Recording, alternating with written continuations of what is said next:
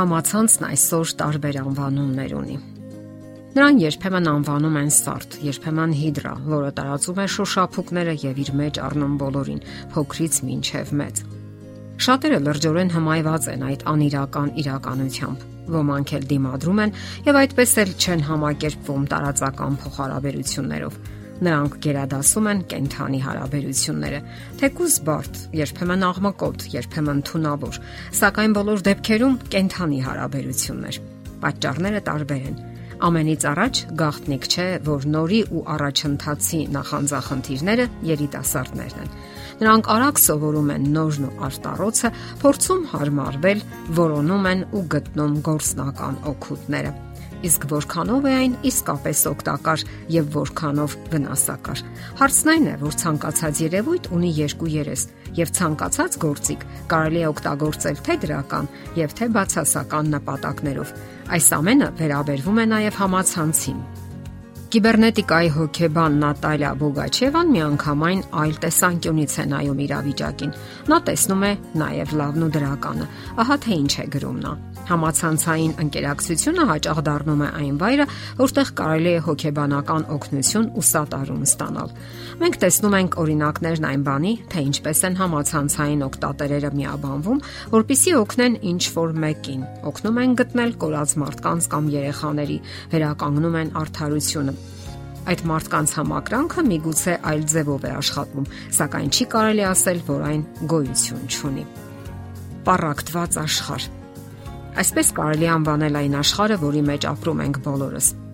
Հարաբերությունները դարձել են մակերեսային ու անհուսալի, իսկ եսասիրությունն արդեն հսկայական չափերի է հասնում։ Պատճառները թե հոգեբանական են եւ թե տնտեսական։ Տնտեսական հարցն ավելի բարդ է։ Մարդիկ պայքարում են իրենց նյութական հաջողությունները սատարելու, ինչպես նաև նոր տնտեսական ոլորտներ նվաճելու համար նյութապաշտությունը պարզապես ահռելի չափերի է հասել։ Եվ ահա օգնության է հասնում on-line կամ անիրական տարածության մեջ իրական շփումների հնարավորությունը։ Այդպես թե հարմար է, թե խորթավոր։ Եվ որ ամենակարևորն է, անվտանգ։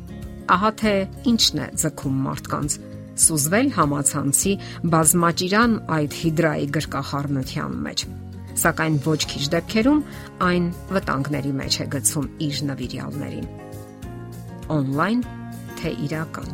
Հասկանալի է, որ on-line հարաբերությունները հարմար են եւ ոչ հոգնեցուցիչ, սակայն չարժե հրապուրվել այդպիսի հարաբերություններով եւ մեծ տեղ տալ դրան։ Բոլոր դեպքերում նախընտրելի են իրական հարաբերությունները, իրական կենթանի մարդկանց հետ։ Այդպես եւ կեղծելն է ավելի դժվար եւ տեսնում ես իրական մարդուն իր բոլոր մարդկային թերություններով ու անկատարություններով Իսկ եթերային հարաբերությունները թողնել այնպիսի իրավիճակների համար, երբ արդեն սպառվել են մնացած բոլոր եղանակները եւ լինել զգոն բոլոր իրավիճակներում, որովհետեւ երիտասարդական կյանքին վերաբերող վտանգները հնարավոր են ամեն քայլափոխի։ Տեխնիկական անսահման հնարավորություններն այսօր մեծ առավելություններ են տալիս երիտասարդներին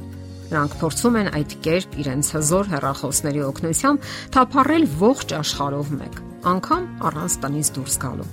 եւ գտնում են նոր ծանոթություններ ու հարաբերություններ։ Դրանք լի են ոչ միայն խորհրդավորությամբ, այլև ռոմանտիկայի տարրեր են պարունակում իրենց մեջ։ Դա բնական է, հասկանալի։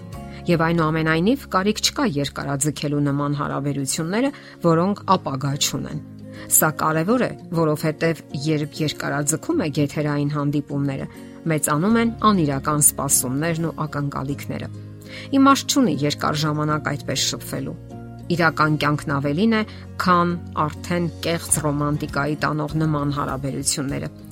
Իսկ եթե շփվում եք, ապա վիճակը པարս կլինի արդեն 2-3 շաբաթ հետո եթե իհարկե խոսքը տարբեր երկրներում բնակվող անznավորությունների մասին չէ, որովհետև այսօր այդ տարբերակը եւս գործում է եւ տեղի են ունենում ծանոթություններ տարբեր երկրներում բնակվող անznավորությունների միջև եւ ցանկալի է 2-ից 3 շաբաթ հետո անցնել իրական հարաբերությունների։ Իսկ բոլոր դեպքերում parzեք իմաստունի արդյոք շարունակել հարաբերությունները։ Ժամանակը մեզ մի անգամ է տրվում եւ չարժե այն հենց այնպես վատնել։ Իսկ համացանցում այն երբեմն իսկապես վատնվում է առանց շոշափելի արդյունքներ տալու։ Որքան ժամանակ եք անցկасնում սոցցանցերում։ Հարկավոր է դադարեցնել անիմաստ թափառումները։ Այդ հավելվածը թույլ է տալիս ամեն պահի նայելու, թե ինչ է կատարվում։ Արդյունքում փչանում է ձեր տրամադրությունը,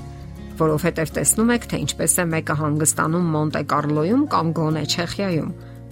Ջանք արեք հասկանալու, թե ինչ է կատարվում ձեզ հետ։ Ինչն է ամենից շատ անհանգստացնում ձեզ։ Այլապես այդ անիմաստ հուզումները վեր են ասվում մազոխիստական սովորությունների,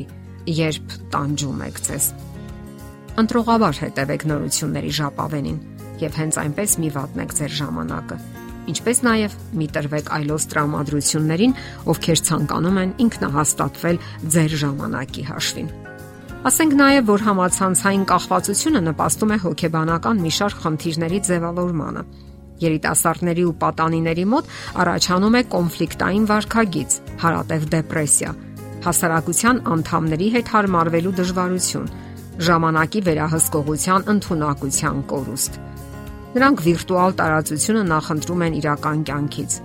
Նաև համակարգչից օգտվելու հնարավորության բացակայության դեպքում տհաճության զգացում են ունենում։ Համացանցից օգտվելիս դեռահասը նախընտրում է փնտրել այլ ոչ թե մտածել կամ սովորել։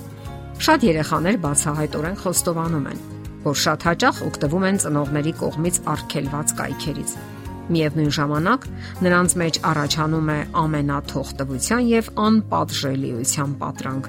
Արժե զրկվում է բարոյականությունը։ Անիրական իրականություն։ Սա այն վիճակն է, որի մեջ գտնվում ենք բոլորս։ Եվ այնուամենայնիվ ձգտենք կենթանի, բարյացակամ եւ հուսալի հարաբերությունների։ Եթերում է ճանապար երկուսով հաղորդաշարը։ Ձեզ հետ է Գեղեցիկ Մարտիրոսյանը։ Հարցերի եւ առաջարկությունների համար զանգահարել 033 87 87 87 հեռախոսահամարով։